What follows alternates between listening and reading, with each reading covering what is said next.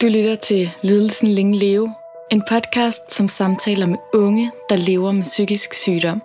Mit navn er Lisa Polak.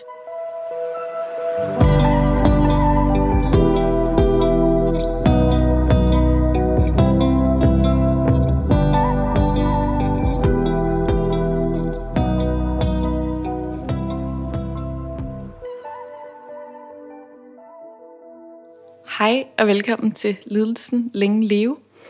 I dag er temaet anoreksi og bulimi, og jeg er så heldig at have fået Cecilie hjem til mig. Velkommen til dig, Cecilie. Tak skal du have. Vil du øh, starte med at præsentere dig selv? Ja, det vil jeg gerne. Jeg hedder Cecilie. Jeg er 24 år gammel, og jeg læser medicin. Øhm, og så har jeg mit eget firma, Cecilies Kjoler, og ved siden af, der arbejder jeg i psykiatrien. Og hvor i øh, psykiatrien er det, du arbejder? Jamen, jeg arbejder faktisk på en akutmodtagelse, eller det man øhm, kender som øh, den lukkede afdeling. Så øhm, ja, Er det, øh, hvad hedder det, børnepsykiatrien? det er faktisk i voksenpsykiatrien. Jeg kunne godt tænke mig at blive øhm, børne- og ungepsykiater, men øhm, lige nu, der ja, er det på en voksenafdeling, jeg er. Men der er ret mange på min egen alder, så øhm, Som er øh, indlagt eller arbejder der? øh, indlagt. Okay, Ja, helt klart. Er, er det så også folk med spiseforstyrrelser, eller det er ikke øh, så meget dem? Altså, det er ikke derfor, de primært er indlagt, men der er nogen, der har det øhm, sideløbende til en anden diagnose, der gør, at de er på den, af, altså på den afdeling mod deres vilje. Altså, det, er, det er jo folk, der er indlagt på tvang i virkeligheden. Okay, så man må ikke, øhm, det, må man gerne gå ud? Nej, så det er med altså dobbeltlåste døre, og med overvågning, og med alarmer, og altså, det er sådan lidt fængselsagtigt, men uden at være det. Øhm, men altså, jeg synes, det er utrolig hyggeligt. Det kan godt, man kan godt forestille sig, at det er sådan lidt spacey, og, men jeg synes faktisk, det er utrolig hyggeligt. Ja. Ja. For mig virker det stadigvæk, jeg har været indlagt, eller været på lukket eller åbne afdeling. Mm. Så det virker helt spacey, sådan noget man ser lidt Ja. på gyserfilm. Ja, men det synes jeg faktisk ikke, det er. Jeg, det troede jeg også selv inden, og var sådan ret nervøs inden min første vagt, men altså nu har jeg været der 72 timer den sidste uge, og jeg var sådan, jeg følte mig helt hjemme til sidst, og sådan, Det fandme også mange timer. ja. Men øh, ej, de jokede også med sådan, ej Cecilie, har du fået din medicin? Og, men jeg får faktisk ikke medicin, så sådan, men, men jeg er et rigtig fint sted, og sådan, de gør det virkelig godt. Helt klart. Hvis du er klar på det, så synes jeg, at vi skal starte med det første L, som er ledelsen. Ja.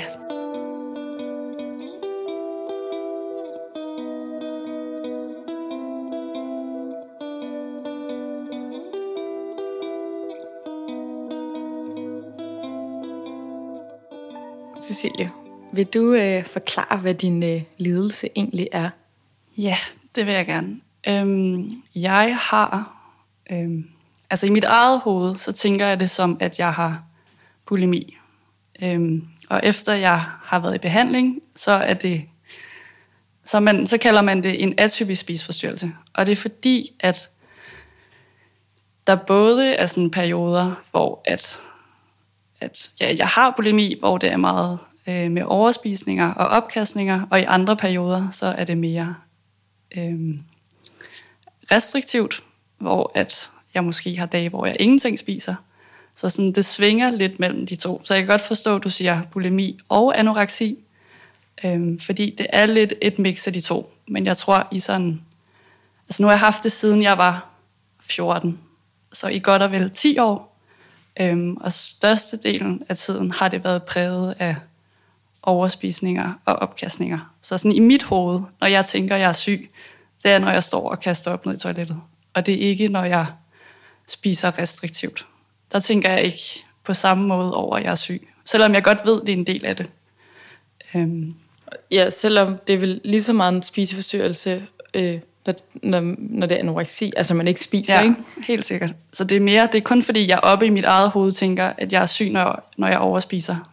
Øhm, så da jeg var i behandling, hvor jeg ikke, der havde jeg faktisk ikke så mange opkastninger på det tidspunkt, og der var jeg virkelig sådan, hvorfor er jeg her overhovedet? Øhm, og det var jo bare fordi, at på det tidspunkt, der viste min spiseforstyrrelse sig på en anden måde, end hvad jeg selv tænker, at det der er min udfordring.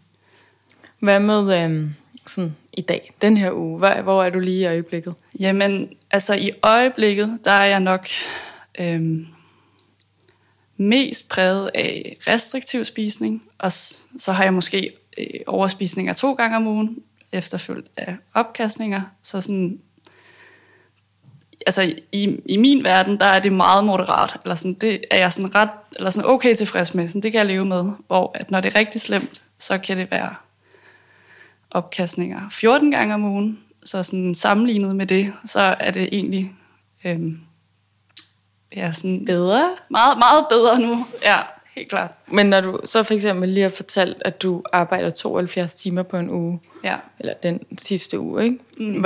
Hvordan øh, er spiseforstyrrelsen så i det? Er du så ude og kaste op på arbejde? Øhm, nej, og det er faktisk... Øhm, derfor synes jeg også, det er rigtig rart at arbejde, fordi at, altså, jeg kaster ikke op, hvis jeg ikke kan komme til det. Øhm, så sådan... Jeg tror ikke, jeg vil kunne kaste op der, uden at det vil blive bemærket. Og jeg vil heller ikke overhovedet føle mig tryg i de rammer. Altså, jeg føler mig tryg der, men ikke sådan i... Ja, så sådan... Hvis jeg ved, at... Altså, jeg spi- overspiser kun, hvis jeg ved, at jeg kan komme til at kaste op bagefter. Og det er måske nærmest mest, hvis du er alene. Ja, lige præcis. Eller også, altså hos mine forældre føler jeg mig også meget tryg, så sådan, der har jeg også gjort det meget. Men sådan alene, altså i min lejle, eller på min kollegeværelse, eller hos mine forældre. Tænker man egentlig over, sådan, når man skal ud og kaste op og ved ikke, putte papir i toilettet, så det ikke larmer, eller tænde vandhanen, eller er man Ja. ligeglad med det? Al, altså, nu har det, altså det har været en hemmelighed. Øhm, jeg, jeg, for, jeg fortalte det første gang for, hvad er det, to og et halvt år siden, tror jeg. Til venner og familie. det var til min mor første gang. Og jeg havde virkelig sådan i lang tid været sådan, okay, nu fortæller jeg det, fordi jeg kan simpelthen ikke gå med det mere, og jeg var ulykkelig, og altså, jeg havde det så skidt. Men sådan, hver gang, at sådan, jeg fik tanken om, sådan, nu siger jeg det højt, så blev jeg bare altså, dobbelt så ked af det, og var sådan, hvor- altså, det kan bare ikke passe, at jeg ikke sådan selv kan komme ud af det, og sådan, jeg kan godt klare det selv, og jeg behøver ikke inddrage andre i, hvordan jeg har det. Også fordi, at det er jo noget, jeg sådan påfører selv, påfører mig selv. Så hvis jeg bare holder op, så er der ikke nogen, der sådan nogensinde behøver at vide det. Øhm, og det vil jo alt andet lige være nemmere. Hmm. Så jeg tror hele tiden, sådan, indtil jeg for to og et halvt år siden sagde det, altså der havde jeg tænkt sådan, jeg kan godt selv. Øhm, men så fik jeg så meget angst og depression, at Af hemmeligheden, eller også af at gøre det? Nå, men det er af at gøre det, og øhm, altså jeg havde bare lagt et kæmpe pres oven på mig selv. Og jeg tror bare, at det var min krop, der sådan virkelig sagde fra, og var sådan, nu kan du simpelthen ikke blive det der mønster mere. Der skal ske et eller andet. Øhm, Mm. så jeg var sådan, jeg kunne ikke gå uden for en dør, og jeg græd, og jeg kunne ingenting. Og sådan, mm. øhm, og der Er du på medicin der? jeg har faktisk aldrig været på medicin. Øhm, men det er også fordi, at man har, altså man har ikke medicin mod bulimi. Og man har vel sådan set heller ikke medicin mod anoreksi. Øhm, og så skulle det være antidepressiv, men Ja. øhm, det valgte min øh, praktiserende læge ikke. At det var ikke det, jeg skulle ud i. Og du kom øh, ud af depressionen. Ja, øhm, Var det, fordi det hjalp at sige det højt, eller var det ikke kun det? Øhm, altså jeg tror, øhm, jeg tror måske, jeg har haft sådan lidt periodisk depression. Øhm, og det er også, altså når bulimien har været slem, så har jeg også tit haft øh, depression og angst samtidig. Og sådan, det er sådan tit om, om vinteren, og så bliver det sommer, og man får det bedre, og man har sommerferie, og, sådan, og så hjælper det lidt på det hele. Og, så det, er sådan, det har virket lidt selvforstærkende, eller sådan, jo, selvforstærkende, de tre ting på hinanden. Men altså, da jeg var yngre, havde jeg overhovedet ikke angst eller depression. Der var det kun spiseforstyrrelse. Så det er kun fordi, jeg tror, at det sådan virkelig har bygget oven på sig selv, at det til sidst væltede. Men hvornår startede spiseforstyrrelsen? Jamen, altså det, jeg kan faktisk ikke huske første gang, jeg kastede op. Øh, men altså, jeg var 14-15, så sådan lige 9. klasse, første G. Men, og hvad med anoreksien med at tænke over, hvad man spiser? Har det været inden 9. Jamen, jeg tror inden 9. Altså, nu er jeg sådan født ret slank, eller sådan genetisk har haft svært ved at tage på. Så det er jo også fordi lige omkring 9. klasse, at der begynder kroppen at ændre sig. Og det var ikke fordi, jeg ændrede mig vildt meget, men altså der kunne man ikke bare spise, hvad man ville. Øhm, så jeg tror, at der blev jeg sådan mere bevidst omkring mig selv. Øhm, og så tror jeg også bare lige den periode er sådan en, en enorm usikker periode for rigtig mange øhm, ja, unge mennesker. Og så kan man sige, omvendt har jeg også tænkt på, at du interesserer dig jo meget for modeverdenen og du altså, arbejder jo med ja. smukke, smukke kjoler og smukke, tynde piger ofte. Er det også noget, der altid interesserer dig at være altså æstetisk sådan tynd, at det er flot? Eller? Mm, nej, altså sådan, nu kommer jeg fra landet og fra Slagelse, og der var det meget sådan ud at spille fodbold og ud at ride, og altså jeg ved ikke, det var ikke rigtig sådan, fordi man gik op i tøj i Slagelse, føler jeg. Så jeg ved, mm, jeg synes egentlig nogle gange lidt, det er svært at sådan forklare, hvor det kommer fra. Jeg havde et idol, eller sådan en, jeg virkelig synes, der var smuk, sådan en dansk topmodel. Og hun var meget, meget tynd. Og jeg tror, hun var det smukkeste menneske, sådan jeg overhovedet sådan kunne forestille mig. Så jeg tror... Tilbage fra folkeskole? Ja, det var tilbage gym? fra folkeskole gym, hvor jeg bare var sådan ind og sådan søge på street style, og sådan synes, hun var så flot. Hvad med det? Det ved jeg næsten ikke, om jeg vil sige. Fordi, ja, det ved jeg ikke. Det er også lige meget. ja, men, øhm, men ja, så hende, jeg tror bare, jeg havde virkelig meget lyst til at være hende, eller ligne hende, og hun var meget, meget tynd. Så jeg ved ikke, om det kan godt være et, et forbillede, et, altså på en eller anden måde, at du tænker, hun er bare flot, hun er ja. tynd. Det hænger sammen med at være smuk og være tynd. Ja. Øhm. Så jeg, sådan, jeg fandt, og jeg synes jo også, altså modellerne på catwalken, der bare var, hvor man kunne se alle knogler, og altså jeg synes, det var så smukt, kan jeg huske. Så sådan, jeg tror, at det kombineret med, at jeg, altså jeg havde det jo bare skidt. Altså for meget pres, og ja, jeg tror altid, jeg har været sådan en kombi af enormt perfektionistisk, og så tror jeg, at jeg har sådan medfødt dårlig selvværd. Øhm, Vil du uddybe det? Jeg ved ikke, altså sådan, jeg ved ikke engang, om man kan være født med dårlig selvværd, fordi altså nu er vi fire søskende, og min lillebror for eksempel, jeg kender ikke nogen, der har et sådan større selvværd end ham, så sådan på det punkt er vi virkelig sådan dag og nat. Øhm. Men man kan jo, jeg har jo lavet et andet afsnit om noget, der hedder ængstelig evasiv, ja. og det er, at man har ret dårlig selvværd, altså kronisk lidt dårlig selvværd. Ja. Øh. Altså det tror jeg helt ærligt, jeg har, fordi altså sådan, jeg er virkelig opvokset i en meget, meget god familie, så sådan, det giver ikke, jeg kan ikke sådan pege på noget, der sådan, du ved, på den måde skulle være skyld i det. Ja, Andet du... end, at jeg også bare sådan altid har været sådan et sensitivt barn, tror jeg. Allerede fra altså starten af folkeskole? Ja, ja det vil jeg umiddelbart sige, ja. Er det sådan efter ting, som blev hurtigt ked af det, eller indelukket, eller har, kan du uddybe det? Mm, jeg tror bare sådan... Jeg ved ikke, jeg var bare sådan usikker på alle parametre. Sådan usikker på at være høj, usikker på at sådan... Altså det var også noget, hvis man fik for gode karakterer, så blev man usikker på det, eller hvis man var sådan, altså sådan var underligt social, eller jeg tror bare sådan alt, jeg sådan gjorde eller sagde, eller hvor jeg var. Jamen, jeg tror virkelig, det var sådan overdreven efter tænksomhed. Og, ja. ja, det kunne godt være den der evasiv. Super, jeg er ikke læge, så jeg kan ikke diagnostisere. Mm. Men det, det er bare meget øh, normalt, vil jeg sige. Altså, det er en ret ja. normal øh, ledelse. Og det, den er også, ligesom anoreksien, sindssygt svær at kurere, for der er ikke sådan en pille imod det. Ja. øhm, men jeg tænker, inden vi går videre til det næste L, mm. kan du så sådan fortælle lidt om, om du har haft det lige siden folkeskolen? Er der perioder, hvor du ikke har haft det? Øhm, altså nej, det vil jeg faktisk ikke sige. Jeg tror, jeg har haft det. Men altså igen i forskellige grader. Så enten så har det været... Altså for eksempel, jeg havde lige over øh, studieturen. Det I var gym. I, i gym. Det var i 2G. Der spiste jeg ikke noget overhovedet. Altså det, jeg tror, jeg spiste. Og det, jeg tror, det var sådan, hvis vi var på restaurant, og man skulle bestille noget, og alle var der, så et par bidder, men sådan ellers var det jo intet. Øhm, kan man så godt stå oprejst? Jamen, det, altså sådan, det kan du godt i en uges tid, men så da jeg kom hjem, var jeg også bare sådan, okay, nu bliver jeg nødt til at spise noget, fordi ellers så, altså sådan, så stopper min krop med at fungere.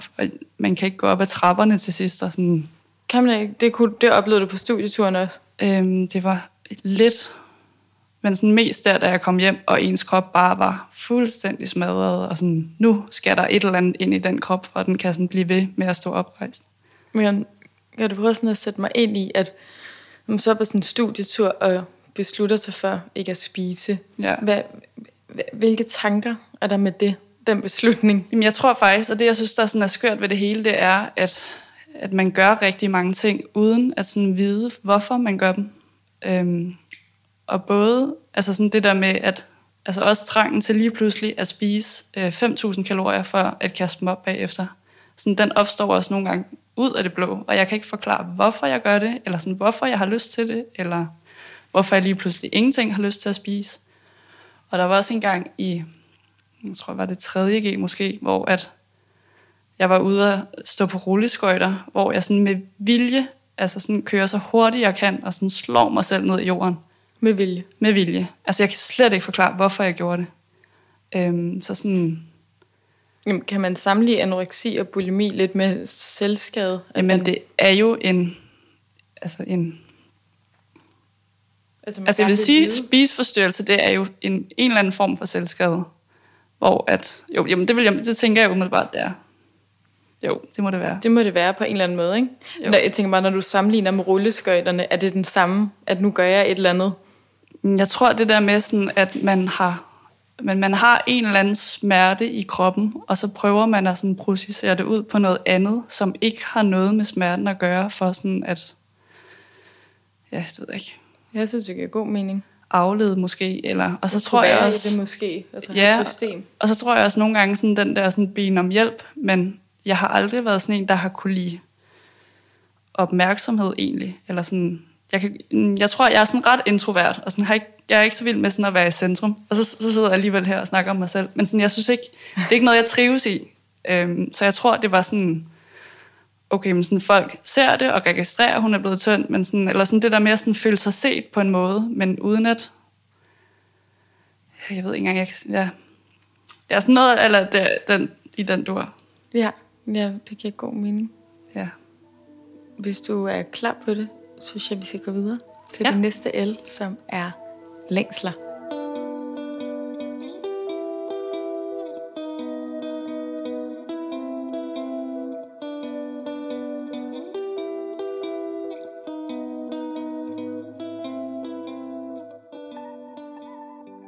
Cecilia, vil du øh, fortælle om dine længsler? Ja, det vil jeg gerne. Øhm, jeg synes faktisk, sådan lige den med længsler, jeg synes, det var den, der var sværest. Øhm, fordi at det med, når man har gjort noget i 10 år, så bliver det så meget en del af en selv, eller sådan, det bliver meget hverdag. Øhm, men, men ej, jeg længtes helt sikkert efter det her med, at krop og vægt og mad, at det ikke skal fylde, fordi jeg bruger enormt meget tid på sådan at tænke over det, og slå mig selv i hovedet med, at jeg vejer for meget, eller har spist for meget, eller... Øhm, er det på daglig basis, nogle ja, tanker? helt klart. Altså på timebasis? Hmm, ja, det vil jeg faktisk nok næsten sige. Altså, der er jo enormt mange sådan, tanker bag hmm. sådan hvert måltid, og jeg synes også, altså sådan, for eksempel nu skal jeg ud og spise i dag, efter det her. Mm. Og sådan, så har jeg jo også tænkt sådan, okay, så skal jeg ikke spise for meget morgenmad. Og sådan allerede i går, da jeg, eller sådan i nat, da jeg var på nattevagt, var jeg sådan, okay, men nu, altså sådan, jeg skal heller ikke spise noget nu, fordi så kan jeg ikke sidde på den der restaurant og nyde det. Og sådan, så der er alt, alt det bliver sådan tænkt igennem, sådan ret grundigt. Men har du så ikke spist noget siden i morges? Jo, det har jeg. Så sådan, det er også, altså jeg er blevet meget bedre til sådan at tænke mad som en ting, der også skal øh, altså få mig igennem dagen, fordi man mm. kan jo ingenting, hvis man ikke spiser. Og, sådan, og jeg har også nogle ret hæftige dage. Så sådan, Men hvad for dig bliver måske mere sådan praktisk? Helt sikkert. Jamen, så gør det, for at kunne klare jobbet. Ja, men det synes jeg egentlig også er okay, at det er, at det er sådan. At, eller jeg tror, jeg bliver bedre til sådan at tænke det som noget, jeg skal have, i stedet for sådan at overveje det som en ting, jeg kan skibe. Men for eksempel, at du skal ud og spise med nogle veninder, ja. i aften. Der har du altså brug for at kunne spise samme mængde som dem. At du kunne også være, at du var sådan, øh, jeg kan godt tage med ud, men jeg har ikke tænkt mig at spise. Ja, altså nu skal jeg faktisk ses med en, og hun spiser heller ikke særlig meget, så sådan, det er ikke noget problem. Men øh, øh, ja, men jeg ved ikke, jeg synes også virkelig, der er mange københavnere, der sådan har et lidt anstrengt forhold til mad. Så jeg synes generelt i København, jeg ved ikke, eller også er det bare dem, jeg ses med, men... Det var ikke sådan en slagelse. Det føler jeg ikke. Nej, det føler jeg ikke. Det Ej, var sådan var- lidt mere... Var du for Slagelse? Ja, ja, ja, jo, jo, jo, jeg er fra Slagelse. ja, Jamen, jeg føler helt sikkert, at i København, der er der lige skruet op for sådan hele den der sådan perfekthedskultur. Jeg føler, at den er værre herinde. Ja, altså jeg vil sige, det næsten hver gang jeg er sammen med en veninde, kommer altså vægt øh, op og vende. Ej, har hende der ikke taget på, eller har hun ikke tabt så meget? Ja. Eller sådan, ej, jeg føler, jeg er lidt fed i dag, eller sådan, ej, jeg har ikke været på toilettet, så jeg føler mig oppustet. Det er ret sygt, hvor meget det fylder. Det fylder bare. På trods af vores alder. Altså. Ja. Jamen, det er sindssygt. Så jeg er også sådan... Jeg tror også, jeg var sådan... Der, da du spurgte, om jeg ville komme ind øh, og sådan snakke om det. Det der med, sådan, der er eddermame med mange, der sådan, har et problem med mad, og sådan, nu skal jeg komme, sådan, som om jeg er speciel. Og sådan, det er jeg bare overhovedet ikke, fordi at det er jo noget, der bare fylder for så mange mennesker. Øhm, og så kan det godt være, at der er måske, jeg tror, der er måske 5 procent sådan diagnostiseret, eller sådan har været i behandling, men der er jo kæmpe skyggetal. Øhm, Er det for spiseforstyrrelse eller for anoreksi? jeg får spiseforstyrrelser. Jeg kan ikke huske, om det er 5 eller 10 procent, men sådan, det er ret mange. Ret højt. Ja. Men så man kan sige, du længes efter, at det ikke skal fylde så meget, det her med vægt og krop Helt klart. ja. Ja. i døgndrift, i timedrift. ja. Ja.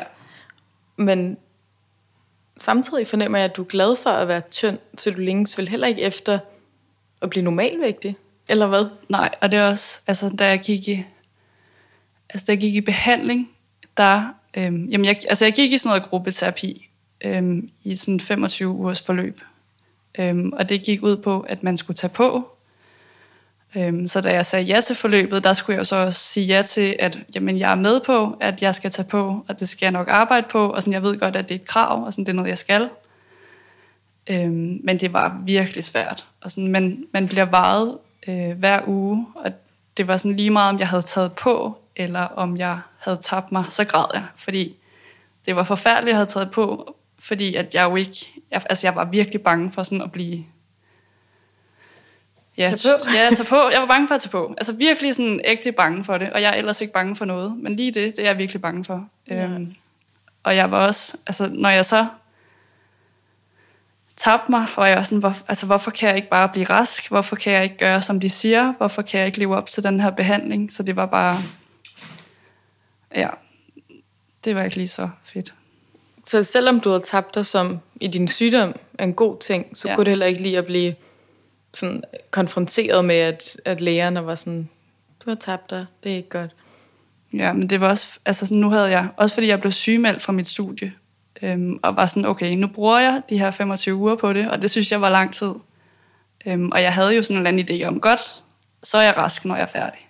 Ja. Og jeg endte jo med at blive smidt ud før tid, fordi at jeg tabte mig alle de kilo, jeg skulle tage på, og sådan, jeg gjorde det stik modsatte, selvom jeg jo havde en god intention, men jeg kunne bare ikke. Og så, hvad siger de så? Sådan, du, du kan ikke gå her, for du tager det ikke seriøst, eller hvad? Jo, men sådan, de var mere, at, altså, at vi kan jo godt se, at sådan, du kæmper, og du deltager, og du rykker dig, og sådan, du forstår dig selv mere og mere, og dine egne mønstre, men at man ligesom bliver nødt til at have alle delene med, for at få altså det resultat, der ligesom arbejdes hen imod. Så jeg blev tilbudt et andet forløb, men jeg var også bare sådan, jeg kan ikke, altså jeg har brug for at sådan komme tilbage og tilbage i skole, og tilbage og sådan følge, jeg udretter noget, noget, og sådan rykker mig frem, og jeg følte bare, at jeg var gået sådan lidt i stampe, og sådan, det var så hårdt at gå i de der grupper. Hmm. Så jeg endte med at være sådan, okay, nu prøver jeg lige selv. Øhm, ja. Altså, jeg tror sådan noget med at sådan spise aftensmad uden at sådan for hver bid sådan overveje, okay, har jeg nu spist for meget? Sådan, skal jeg ud og kaste op bagefter? Eller Altså, er vi ude i hver bid?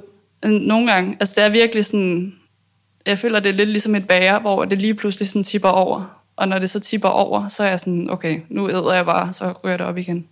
Men hvis den så tipper over, kommer du så til at spise meget mere end det? Ja, meget mere. Men det er også fordi, at, at det er meget nemmere at kaste op, hvis man, man spiser markant for meget. Fordi at, ja, og det er også derfor, man, når man har de overspisninger, altså det er ikke sådan, fordi man bare har spist lidt for meget, så er det altså virkelig meget mad, man har indtaget. Altså det er virkelig, Fordi at det er simpelthen for svært at kaste op, hvis du bare spiser en råbrødsmad for meget. jamen altså det kan man ikke. Det, altså, jo, måske kan man godt, men det er virkelig, altså det er svært. Det er sådan, hvad hedder det? against nature, eller hvad man siger, sådan, det er Ja. imod sådan, Ja, det vil jeg umiddelbart sige, Kroppen fordi kroppen, jamen, kroppen vil jo gerne ligesom, altså kroppen skal jo have næring for sådan at fungere, så hvis jeg giver den næring, og så vil kaste det op, det er jo imod, hvad kroppen gerne vil, så den prøver at modarbejde det, tænker jeg, hvor at, hvis nu jeg har puttet vildt meget mad i min mave, og min mavesæk nærmest er ved at springe, så er min krop lige pludselig interesse i, at det kommer op igen, fordi det er for meget. Altså, det er sådan lidt skørt, men kan, nyder man mad, når man overspiser? Er man sådan, mm, pizza, chips, overhovedet ikke. Slet, slet ikke. Det er en enorm sådan, stressende proces. eller kan du Øhm, lide det, du spiser? Nej, altså tit så er det meget. Altså nu har jeg virkelig sådan kastet mange underlige ting op, og sådan også engang kastet en makrelmad op, og sådan, det lærer man, det skal man bare aldrig gøre igen. Hvorfor? Det er virkelig ulækkert. enormt ulækkert. Den er ikke god at kaste op. Nej, men det smager virkelig, virkelig klamt. Og så nogle gange, hvis man, også fordi man spiser meget, altså sådan forskelligt mad, og så nogle gange får man de mærkeligste kombinationer. Is, det er meget nemt at kaste op. Og sådan, Er det så meget koldt at kaste op, eller ja, er det ja, blevet det er varmt? sådan, også fordi det gør heller ikke ondt, eller sådan, fordi der ikke er sådan store klumper i det. Og, jamen, Så det er rart i maven? Ja, også fordi det sådan kan godt give kvalme, hvis man spiser for meget af det. Men ja, det er lidt skørt. Men man bliver sådan Nu ret... skal du ikke give os lytter nogle gode Nej, tricks. men man bliver virkelig sådan hardcore. Også, du spurgte også tidligere det der med, sådan, om man skjuler det, og sådan, man bliver så dygtig til at lyve. Altså, det er skræmmende. Prøv at fortælle.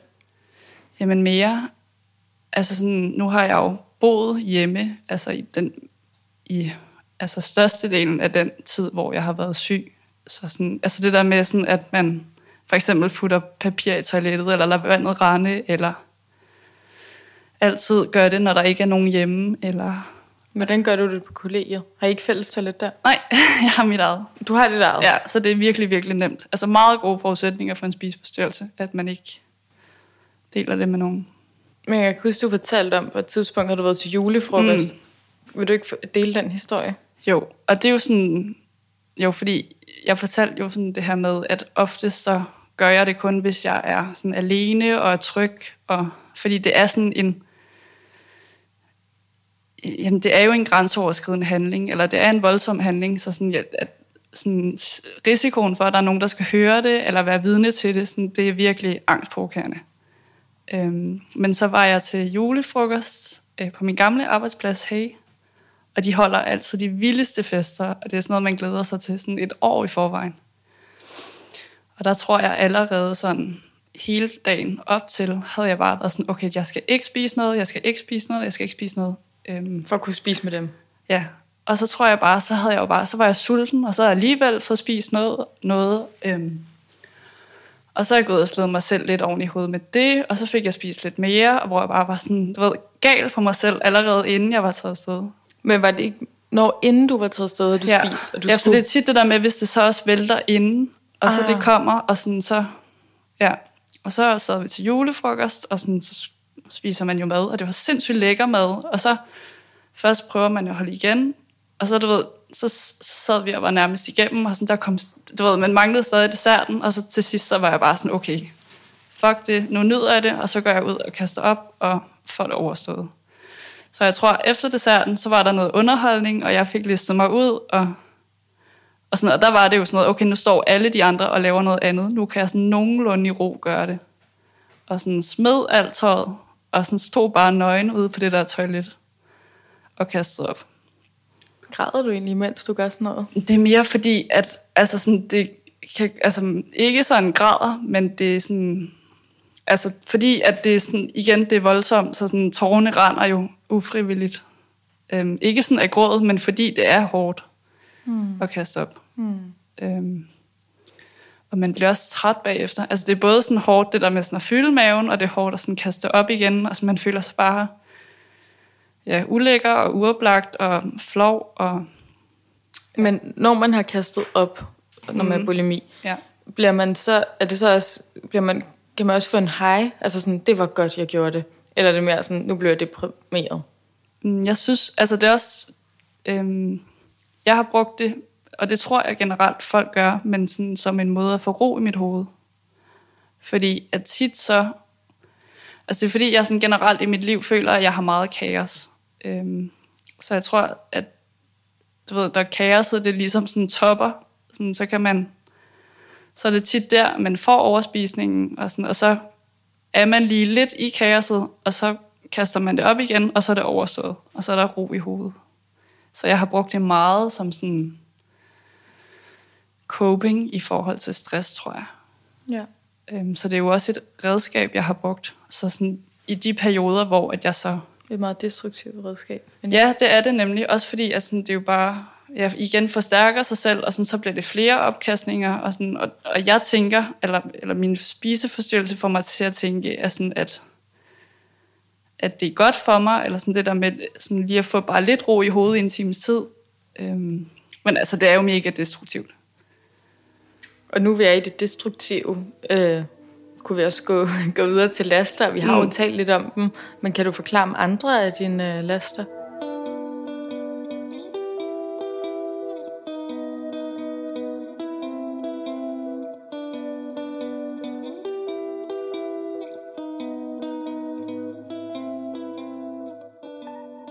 Øh, mine laster.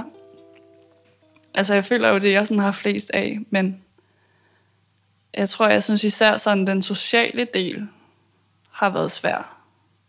Øh, I forhold til det med at have en spiseforstyrrelse. Og sådan, hvis man for eksempel har været i byen, og sådan både har været ude at spise, og alkohol, og det er, sådan, det er tit en ret, ret stressende ting. Altså sådan, også fordi, at sådan, så mister man måske lidt overblikket i forhold til, hvor meget har man drukket, og hvor meget har man indtaget, og hvor jeg så nogle gange slet ikke har kunne være i det, og hvor jeg er blevet nødt til at tage hjem.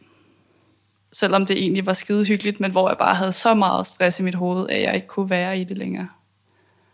Vil du kunne være i det, hvis man ikke spiser drik? Ja, men sådan, det er jo bare virkelig en stor del af det. Men altså, så tit så bliver løsningen jo også sådan, okay, men så går vi i byen, og så er det ikke nogen aftensmad, og så er det kun alkohol, og så kan det godt gå. Men så skal man jo så bare heller ikke drikke alt for meget, for så vælter man rundt.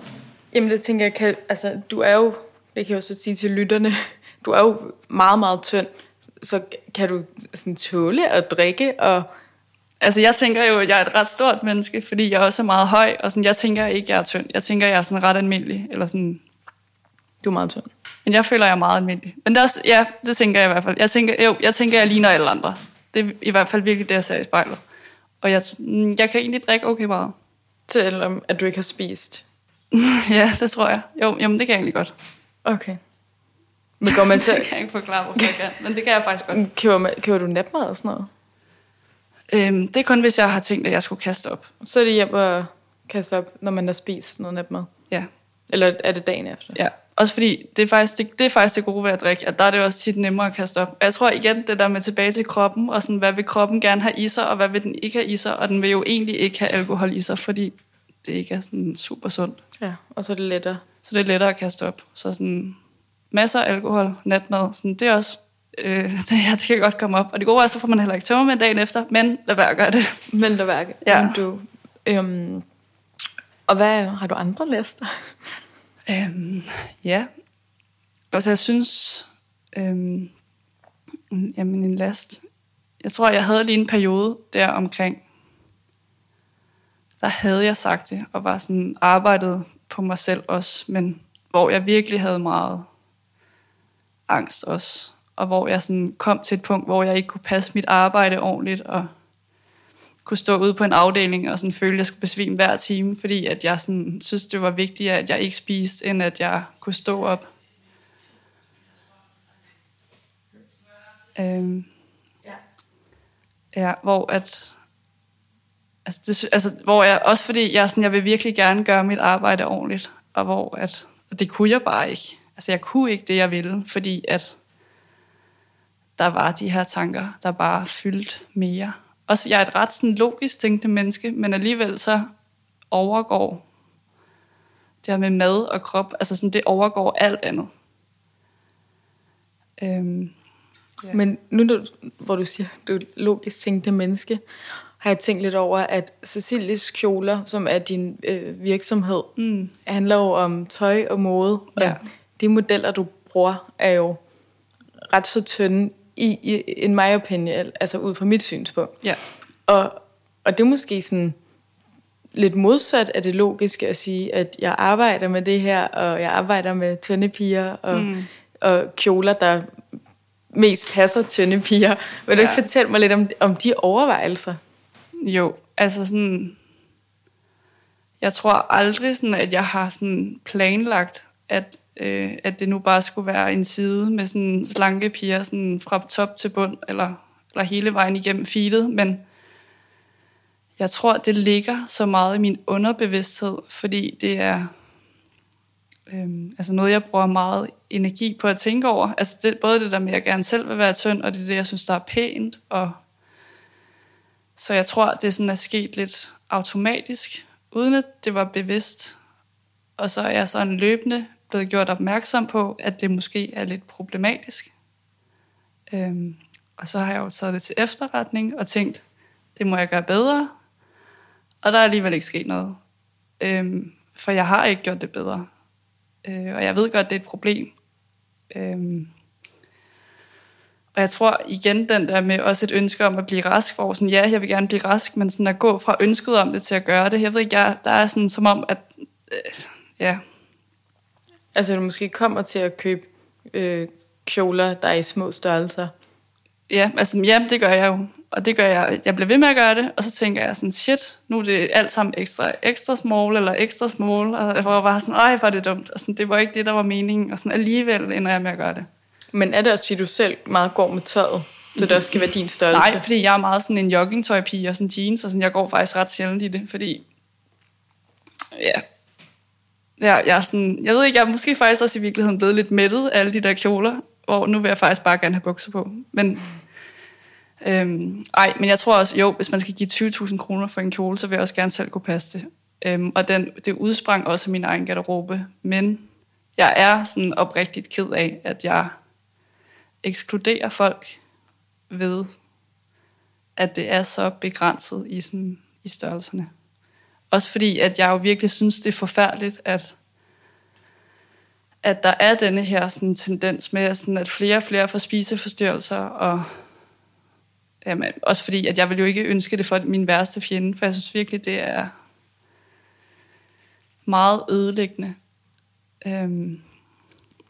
Det er vildt. Det er også fordi, nu er Cecilies kjole jo blevet ret stort, men jeg vil da blankt indrømme, at jeg selv øh, på nogle af dine kjoler, jeg har lavet, jeg har brugt dig ret mange gange, ja.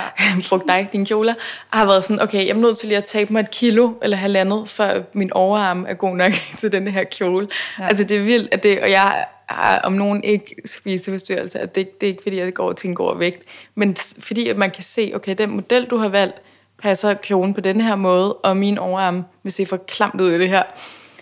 Altså, det, det ja. er bare vildt for at sige, at hvis det har impact på mig, tror jeg, det må have impact på mange andre.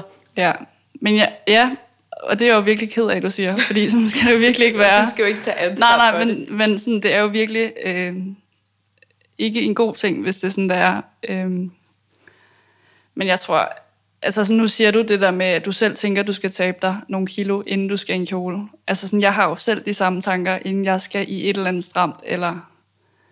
Øhm, og også fordi, jeg tror, mange af de steder, jeg finder min inspiration, det er jo igen sådan nogle åle, slanke, meget, meget tynde, hvor altså, så tænker jeg, ja, det er jo sådan der, det skal se ud, og det skal det også på mig, og sådan, det skal det også på mine modeller, og ja, jeg ved ikke, det er bare blevet sådan en ond, jeg ved ikke, om det er en ond cirkel, men... Noget i den, du, man kan sige, der var jo det, var det sådan, hvad var det, du lavede sådan en spørgerunde på et tidspunkt? Åh oh, ja, ja. Vil du ikke prøve at forklare det?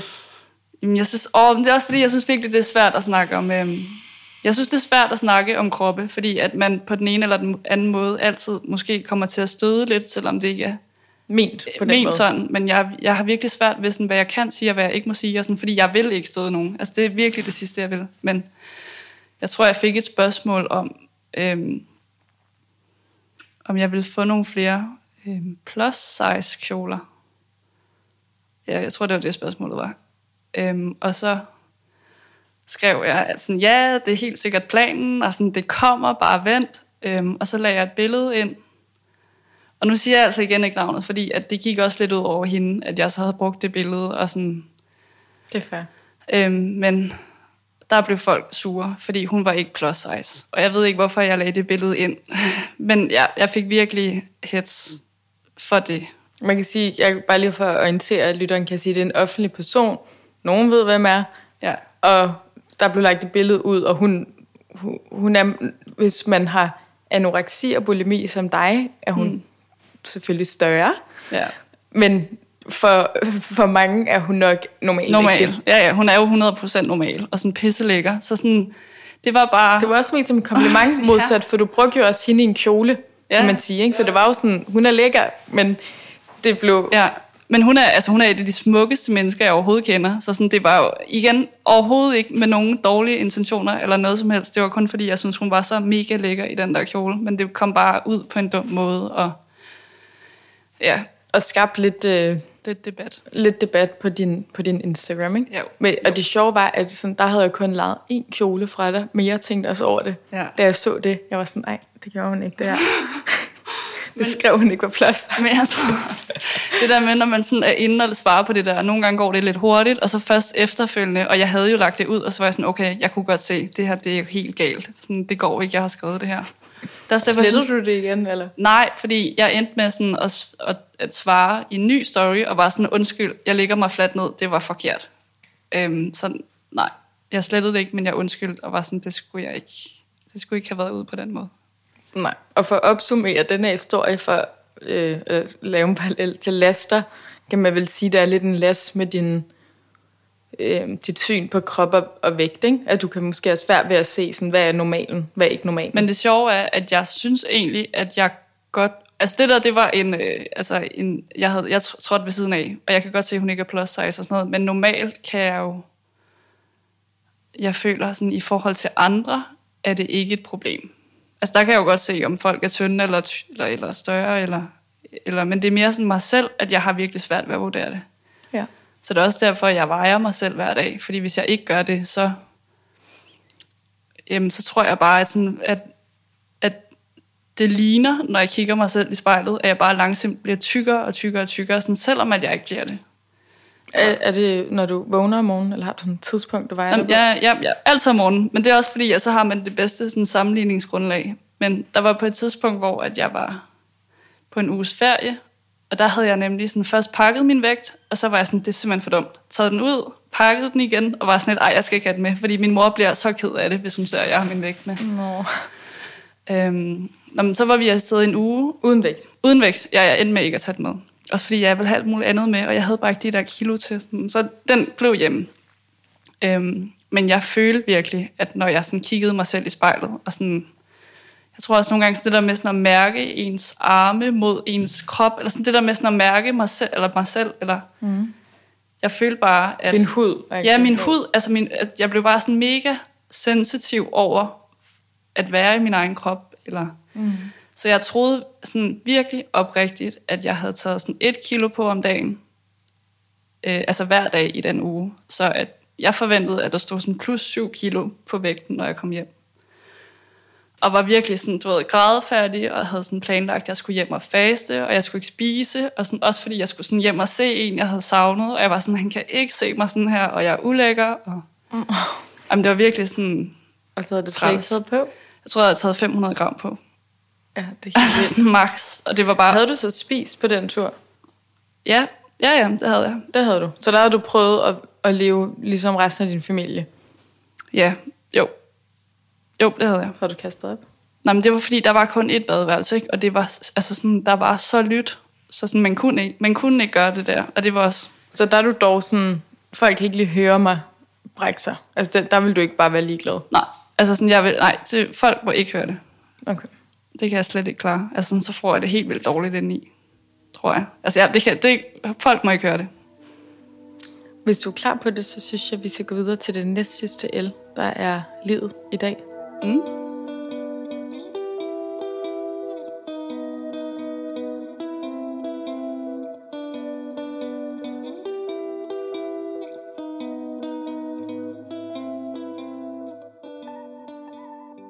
Cecilie, nu har vi hørt meget om øh, dine længsler og laster, øh, og hvor voldsom denne her sygdom egentlig er, og hvor meget den påvirker din dagligdag. Men omvendt har du også gang i virksomhed og studie og studiejob og mange veninder, føler jeg, og ser en fyr, og kan du ikke lige forklare om dit liv i dag? Altså, hvordan ser det ud? Mm. Altså, øhm, det går meget bedre i forhold til sådan for nogle år tilbage. Øhm, men altså det er jo ikke, fordi det er perfekt eller noget endnu, men sådan, jeg trives mere og mere i min egen krop, tror jeg. Og jeg tror også, jeg er blevet bedre og bedre til at lægge den der sådan selvkritik lidt på hylden og sige, det er godt nok. Øhm, ja, og så tror jeg, altså nu går jeg i på 6. semester, og skulle gerne være færdig med min bachelor til sommer. Og sådan, jeg begynder at sådan, kunne se, okay, jeg kan godt gennemføre det, det kan godt gå. Og, sådan, mm. øhm, og, og jeg har fundet sådan en god rytme i mit firma, og sådan, jeg begynder sådan, du ved, nogle gange godt at kunne føle mig sådan stolt af det. No.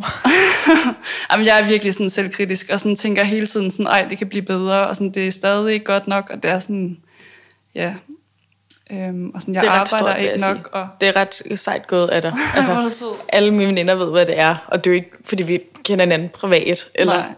Har noget med hinanden at gøre. Nej, nej, fordi du er jo vidderligt sådan min kjolekunde. Sådan...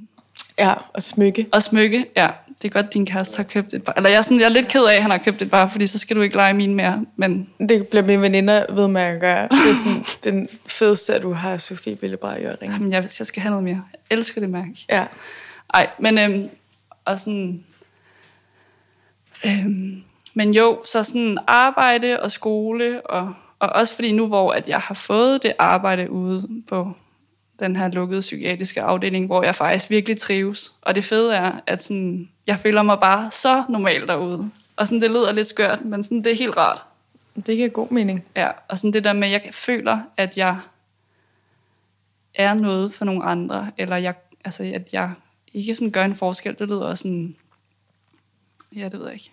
Men jeg tror virkelig, at jeg er sådan en, der vokser af, og sådan for at vide sådan, ej, hvor er du sød, eller sådan, ej, hvor, yeah. du ved, det har bare været så, fordi så tit så er jeg jo sådan sammen med, jeg har tit en patient ad gangen. Øhm, altså man følger en patient hele tiden? Det er fordi, det er hvis for eksempel, at folk er suicidale, eller personfarlige, eller øhm, ja, så kan man få ordineret en fast vagt, og så skal man ligesom have den her sådan ene person hos sig hele tiden. Men det der med, når, det, når de så siger, ej, du har været den bedste fadvagt, eller... Fad? Fad, jamen det, okay, det, hedder, det står for Foreningen af Danske Lægestuderende, men det er ligesom min arbejdsgiver. Åh oh ja, fad, har jeg hørt om det. Ja, nogen ved, hvad det er, nogen ved ikke, hvad det er. Men det er ikke også et blad, jeg føler, jeg kan, kan man være det, redaktør? Det er et, øh, et forlag. Nå, det er det, ja. Tror jeg. Ja, det tror jeg. Ja. De skriver nogle, laver nogle kompendier og sådan noget. Men ja, men ej, så jeg tror, at det der med sådan, at føle, at jeg udretter noget. Det er sådan der, hvor at jeg trives bedst. Så jeg tror også, det er derfor, at lige i øjeblikket, der arbejder jeg bare enormt meget, fordi det er sådan der, hvor at jeg egentlig har det bedst. Øhm, så jeg tror... Du vil også komme lidt væk fra kaoset op i hovedet. Ja, så helt sikkert. Have sådan, så laver jeg det. Så skal du ikke tænke på det andet hele tiden. Ja, ja, helt klart. Hvor at jeg trives ikke særlig godt i at være sådan for meget i mit eget selskab selvom jeg er mega introvert. Så jeg skal også sådan, det har jeg stadig lidt svært ved at balancere. Øhm, også fordi, at nu sagde du mange venner og sådan noget, men jeg har faktisk virkelig på det seneste sådan, trukket mig meget. Mm. Og bare haft brug for sådan, okay, nu går jeg bare ind i den her boble, og sådan, nu knokler jeg, og sådan, ja, det ved jeg ikke. Så du ser ikke så ofte øh, venner, veninder? Nej, men nu er jeg sådan lidt, nu skal jeg lige, du ved, også arbejde lidt på mine relationer, eller sådan give lidt den anden vej, fordi jeg synes jo heller ikke, det er fedt at være en dårlig veninde. Jeg tror bare ikke, jeg har sådan haft overskud. Så sådan, det er nok det, jeg sådan i livet, du ved, har mest krise over. Ja. Mine relationer. Stadigvæk. Ja, også fordi sådan, da jeg så havde, altså spiseforstyrrelsen var virkelig slem, så var det også sådan, jeg, altså aflyst en halv time før, fordi enten at jeg følte mig mega ulækker, eller havde angst, eller sådan, og sådan folk blev jo vanvittige over, at man ikke kan regne med nogen. Øhm, har du stadig en kæreste? Ja, vi er faktisk lige sådan gået fra hinanden, agtigt. Men øhm, så ja, der er også sådan lidt kaos på sådan kærlighedsfronten. Men nu er jeg virkelig sådan, okay, jeg skal sådan have det godt i mig selv, og sådan, ja. det ikke, være stolt af mig selv for sådan ja. den, jeg er, og de ting, jeg gør, og ikke for alt muligt andet. Og du laver æder med mig meget. Altså, jeg forstår slet ikke, du kan alle de her ting samtidig. Jeg forstår det ikke. Sådan Wonder Woman. Altså, jeg vil ikke kunne bare lave en tredjedel af, hvad du laver. Jeg ved ikke, jeg tror også en gang, også det der med sådan, Instagram, og sådan, at man altid sådan skulle lægge ud, nu laver jeg det her, nu laver jeg det her, og sådan folk var sådan, hold da op, du laver meget. Men jeg tror nu, fordi jeg har fundet en anden ro i mig selv, eller sådan, jeg tror engang, så var det også meget sådan, okay, nu skal jeg også være i byen fredag og lørdag, og jeg er sådan lidt, okay, jeg skal ligge på sofaen fredag og lørdag, sådan, uden at have dårlig samvittighed over det. Ja. Så det er sådan også sjældent, jeg gør noget for andres skyld. Eller sådan, jeg gør, ofte så gør jeg noget, kun noget, fordi jeg har lyst til det, eller ja. Så sådan, det har i hvert fald taget en stor del af presset af. Ja, helt klart. Og for lige at opsummere på livet i dag, kan man jo sige, det har de fleste jo nok forstået. Har du stadigvæk bulimi og Ja. anoreksi, Ja. men samtidig går du på et studie og arbejder virkelig meget. Så det, altså, du har den her sygdom, ledelse, Ja. men du er stadigvæk fungerende. Altså, Ja.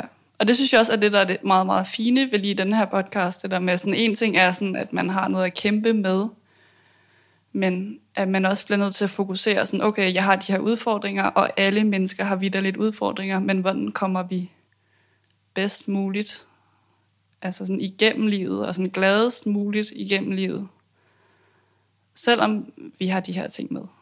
så enig. Og det er vel at stå frem med det, og Ja. være sådan, jeg siger det, og jeg kommer stadig til sikkert at gøre det i Ja. morgen.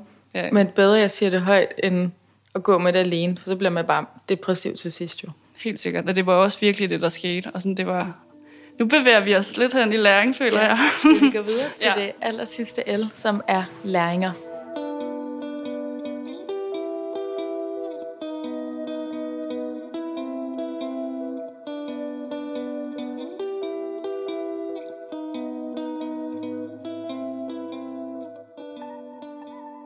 Cecilie, vil du fortælle om dine læringer? Ja. Altså nu har jeg hørt alle dine podcasts faktisk, og jeg føler, at folk siger det samme, og sådan, jeg har egentlig også tænkt mig at sige det, men jeg tror, at det, jeg virkelig har lært af hele den her proces, det er, at jeg er først virkelig landet i mig selv, efter at jeg har sagt det. Øhm, og har fået et sprog for det, og har anerkendt det som værende en sygdom. Fordi jeg tror, sådan, i lang tid har jeg tænkt, altså jeg har tænkt, det ikke var en sygdom. Jeg har bare tænkt, at det var noget, jeg gjorde mod mig selv, og sådan, jeg kan ikke forklare, hvorfor jeg gør det, men jeg gør det, men jeg har aldrig tænkt det som værende en sygdom. Øh, men det der med at anerkende, at, altså at, at det ikke er normalt, og det er noget, jeg skal arbejde med, og det skal, være- er noget, jeg skal være opmærksom på, og ja, Og vil også, ja, det er en sygdom, at det er noget, der har overtaget dig, ja, og det er ikke er Cecilie på den måde, men ja. noget, der Også, styrer det. Også fordi i den der terapigruppe, så er de meget sådan, der er Cecilie, og så er der spiseforstyrrelsen, fordi at nogle gange, når sådan spiseforstyrrelsen virkelig raser, så kan man godt vise sig selv fra nogle sider, men der ikke er så fede. Hvor jeg er sådan, okay, det er altså ikke Cecilie, der er så træls. Det er kun fordi, hun er mega presset og har det skidt, at, mm. at jeg nu ikke er, som jeg gerne vil være som menneske over for dem omkring mig. Og, Det er også Ja. en god læring. Altså, når for eksempel du har fortalt, at du har aflyst med en veninde en halv time før, i Ja. de dårligste perioder, at du kan være sådan, det er ikke dig, for jeg, nu har jeg ret godt indtryk af dig. Jeg føler, at du er meget punktlig. Og sådan, ja, Så jeg føler, at det er meget modsat dig egentlig. Ja. Så der, altså jeg siger igen, hvor meget det er en sygdom, at det er sådan ikke med din gode vilje. Ja. Men også altså, sådan, til nytår, det jo, Jo. ja, der skriver jeg en halv time inden. Altså, jeg er tudebrøler, og jeg, og jeg var bare sådan, jeg var så ked af det. Og jeg vidste ikke, hvorfor jeg var ked af det. Og sådan skrev til min veninde, der skulle holde nytår, og var sådan, jeg kan ikke komme. Og jeg var sådan, det er nytår. Men jeg var sådan, jeg kunne ikke komme. Hvorfor? Jeg, jeg tror, jeg fik angst, eller sådan, og det har jeg ikke haft i noget tid. Men nogle gange bliver jeg bare sådan fuldstændig ramt af, af at sådan alt vælter. Men altså igen, der sagde jeg til hende sådan, jeg har det virkelig dårligt, og sådan, det er mit hoved, der er noget galt med, og sådan, jeg kan sådan fysisk ikke gå ud af min dør. Og der var hun jo bare sådan så sød, og sådan, tag det roligt, sådan, kom hvis du vil, og altså du ved, eller senere, eller og sådan ringede, og du ved, og det var bare det, der gjorde, at jeg så alligevel tog afsted. Ja, det er lige det, du har brug for, ikke at blive presset. Ja, fordi det der med nogle gange, hvis man så sådan ligger låg på, og ikke engang kan sige, hvorfor det er, man ikke kommer, sådan, så bliver folk jo bare sådan irriteret eller sure, men nogle gange ligge så fladt ned og være sådan, prøv her, det er det her, der sådan sker lige nu, og sådan, jeg prøver, og mm. ja, jeg synes, det der med at være ærlig, det har, Vildt, at du havde angst, fordi det er sjovt, at jeg kan huske dine øhm, stories fra op til nytår, ja. hvor du var sådan, den her kjole tager jeg på i morgen, mm. hvis der ikke er nogen, der vil lege ja. den. Eller, og det var derfor, så me er jo så sindssygt, for der tænker man jo bare, velfungerende, ja. ser godt ud, flot kjole skal Cecilia på i morgen, og så får man at vide nu, at du havde angst. Ikke? Ja. At det, det vil jeg aldrig tænke, ja. selvom jeg har hørt din historie, fordi vi har haft telefonsamtaler. Ja, ja. Men det er, sådan, det er en helt anden virkelighed, end, end du måske repræsenterer på Cecilias kjoler, når man ser dig. Ja, men også fordi jeg havde jo taget kjolen på, og var virkelig sådan, følt mig også flot og sådan noget, og så lige pludselig, så begyndte jeg bare at græde. Og jeg var sådan, jeg skal bare have det her tøj af nu, og jeg, sådan, jeg kunne slet ikke have den på. Nej. Og sådan, tage den af, ned under dynen, græd i tre kvarter, og så var jeg sådan, okay, nu tager jeg den her kjole på igen, og sådan, jeg har ikke noget makeup på, men det er sådan, jeg er. Nu kommer jeg sådan her. Og var det så en god aften? Helt vildt. Og jeg var også sådan, det havde jo ikke gået, hvis jeg var blevet hjemme. Sådan, så havde det kun gjort det endnu værre. Øhm, problemet var bare, at jeg havde sådan en periode, hvor at sådan, så var det inden et investormøde, at jeg fik angst, hvor sådan, altså, folk tror jo, at jeg er top useriøs, fordi at jeg bare så lige pludselig 20 minutter inden ikke kan noget. Altså, det var virkelig et problem. Men det er sådan, jo angst, altså. Ja, og, sådan, og det, hvor at sådan, spiseforstyrrelsen har jeg jo egentlig, den har jeg haft længe, hvor angsten er sådan kommet først her med, ja, med alderen. Men det er jo også, fordi jeg bare har sådan proppet så meget på, og sådan blevet ved med at proppe på, og blive ved med at proppe på, og mm. ja. Øhm, nå, altså, men i forhold til den her læring, jeg, det der med at sige det højt, det er virkelig, det, altså, det ændrer det hele, føler jeg. Øhm. Hvad med i forhold til pårørende? Hvordan, øh, hvordan kan man bedst agere over for en med en spiseforstyrrelse? Øhm, jeg tror, øhm, altså jeg tror i hvert fald, jeg har snakket sådan mest med min mor om det. Og sådan, hun har virkelig været altså sådan god til at spørge ind, og jeg tror nærmest det værste, man kan gøre, det er ikke at spørge. Altså det der med, at man ved, der er et menneske, der sådan struggler med det her, men sådan, jeg ved ikke, hvordan jeg skal spørge ind til det, sådan, så jeg lader bare være. Og jeg synes faktisk, det bedste, man kan gøre, det er sådan på en fin måde at spørge ind til det, og sådan, hvis du vil snakke om det, eller sådan, så ja. Men kan man også gøre det med en, der ikke har indrømmet, at vedkommende har en spiseforstyrrelse? Eller er det sådan lidt... Jeg tror faktisk på? virkelig, det er svært. Og det er fordi, at altså, inden jeg havde sagt det, der sagde min søster også sådan, på et tidspunkt, Cecilie, du lugter af bræk. Eller, og hvor jeg bare var sådan, jeg fik, altså der fik jeg også nærmest et angstanfald, fordi at jeg var så bange for at blive opdaget i det. Ja. Så jeg tror, hvis man bliver... Så der ville man ikke... Der gav du hende ikke ret, så var du sådan, okay, Nej, nej, der løg jeg. Ja, ja, der løg jeg. Eller sådan, jeg kan ikke engang huske, hvad jeg sagde, men jeg var bare, jeg var skrækslagen for, at de så ville finde ud af det. Så jeg tror virkelig, den er... Altså, jeg synes faktisk, den er svær, den der med, hvis man... Ikke har indrømmet det endnu.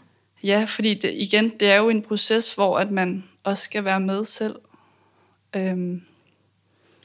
Og super intimiderende in general at blive konfronteret med sin vægt. Altså, hvis ja. man ikke er sprunget ud, han har sagt. jo, jo, ja, men det er ikke Altså, så er det sådan, ej, har du ikke tabt dig? Eller spiser ja. du ikke nok? Det er jo sådan lidt ja. voldsomt. Og jeg, jeg tror, jeg. Ja, så jeg tror i virkeligheden, at vi skal blive bedre til ikke at igen, man skal jo snakke om tingene, men jeg tror, at den der med sådan konstant at være sådan, ej, jeg er på kur, eller sådan, ej, jeg er blevet tyk, eller ej, sådan hele tiden det der med vægt, at sådan, det skal fylde i samtalen. At jeg tror, jo mere man kan prøve ikke at bringe det på banen, jo bedre. Tror jeg igen, altså sådan, måske. Også fordi jeg går egentlig ind for, at man skal tale om tingene, men det er mere hele den der kultur omkring i tale til, at hun er blevet tyk, og hun er blevet tynd, og sådan, at den har, det har bare taget overhånd. Ja, så kan du blive ved. Så er det som et hamsterhjul, og hvis ja. vi bliver ved med at have de her samtaler, så vil for jer, der har en spiseforstyrrelse, så vil det jo fylde. Mm. Altså, men, det, det trigger jo også folk, der ikke har. Eller. Ja. Det er ret vildt. Men det er en sygdom, det du har, og det vi andre har, er måske noget forfængelighed eller et eller andet, men, men dit er jo reelt en sygdom. Ja, også, jeg synes egentlig, altså der, først gik jeg til, syg, eller til praktiserende læge, da jeg så havde sagt det højt, og han var sådan, jamen du har en depression. Sådan, okay, men sådan, hvad med min spiseforstyrrelse, jeg gerne vil have hjælp til? Ja. Ja, for det er nok derfor, du havde en depression. Ja, ja præcis. Men sådan, jeg ved ikke, han, fordi jeg så ikke var ved at dykke undervægt, så var han sådan, ja, ja, det finder du ud af. Eller det skal nok gå. Eller det var, ikke, det var på en eller anden måde ikke vigtigt for ham. Han sådan, tog det ikke seriøst. Ikke, overhovedet ikke. Og så endte jeg med at få en, en øhm, psykolog gennem min arbejdsforsikring, og hun var sådan, første samtale, jeg havde med hende, jeg græd i 45 minutter. Ja. Og anden samtale, så var hun sådan, Cecilie, jeg vil meget, meget gerne hjælpe dig, men du skal have noget mere hjælp, og du skal have noget specialiseret hjælp. Ja. Øhm, og så sagde hun, så var hun sådan, du skal hen på det her psykiatrisk center for spi- Og så psykiatrisk, jeg var sådan, fuck, jeg skal snakke med en psykiater. Jeg følte mig så syg, Ja. og var bare, der væltede min verden en gang til. Og jeg synes, det var så scary, og var sådan, Ja. det havde jeg ikke lige sådan koblet op på min egen person. Og, og det kan man jo også sige til nogle lytter derude, og jeg tror, vi begge to godt kan forstå, at det, det bliver meget voldsomt, Ja. når man begynder at gå fra psykolog til psykiatrien. Ja.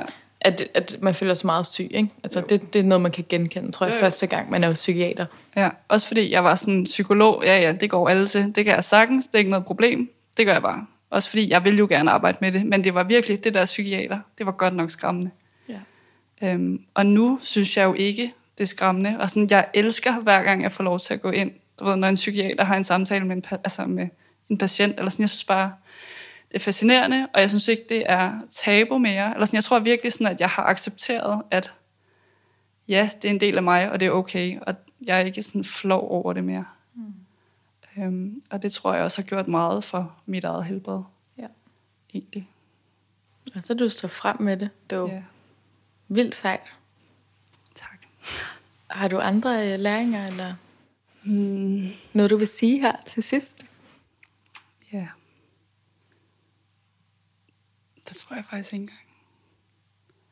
Jo, jeg tror faktisk, eller sådan, det er noget, jeg sådan har, øhm, eller sådan, jeg, jo, her på det seneste, jeg ved ikke, eller jeg tror, det var en måneds tid siden, i forbindelse med Lise Nørgaard, hun døde. Der, jeg ved ikke, om hun har skrevet, eller om jeg har læst et sted, men hun var meget sådan, øhm, livet er ikke, hvordan man har det, men det er, hvordan man tager det. Og det synes jeg bare var mega fint sagt, fordi jeg tror, at nogle gange, jeg også selv er tilbøjelig til sådan, at blive fanget meget i sådan selvmelidenhed, eller den her nedtrykthed, når man er sådan semi-deprimeret, og man, hvor man er sådan, okay, det kan godt være, at jeg har det dårligt, men jeg bliver simpelthen nødt til at rejse mig op igen, og prøve en gang mere, eller sådan, ja, jeg tror bare, det er vildt vigtigt, at man, ja, jeg tror, det er meget nemt at grave sig selv ned i et hul, og man sådan er opmærksom på, når man har fået gravet sig selv ned i det hul, at sådan, okay, nu skal jeg op igen. Ja. Synes jeg er et meget fint citat. at Ja, og det er sådan ret enkelt, men jeg ved ikke, jeg ved, det ramte mig på en eller anden måde. Jeg synes, det var... Det, er sådan, det tænker jeg tit over, hvis jeg sådan selv er ked af det. For sådan, okay, det kan godt være, at jeg er ked af det, men jeg gider ikke være ked af det hele dagen. Sådan, så må jeg gøre noget ved det. Ja. Og nu må jeg stå op og gøre mine ting. Helt sikkert. Og så måske stadigvæk have det dårligt. Ja, også fordi nogle gange er det også okay lige at blive i følelsen. Men man kan, det, jeg tror bare, det at blive i følelsen en hel dag, den er slem. Det er selvforstærkende Ja. ofte. Men Cecilie, tusind tak, Jamen tak, fordi jeg måtte komme. fordi du ville være med. Hvis I har nogle spørgsmål til afsnittet, eller noget, I gerne vil kommentere på, er I velkomne til at skrive til Lidelsen Længe Leve på Instagram eller Facebook. Hej.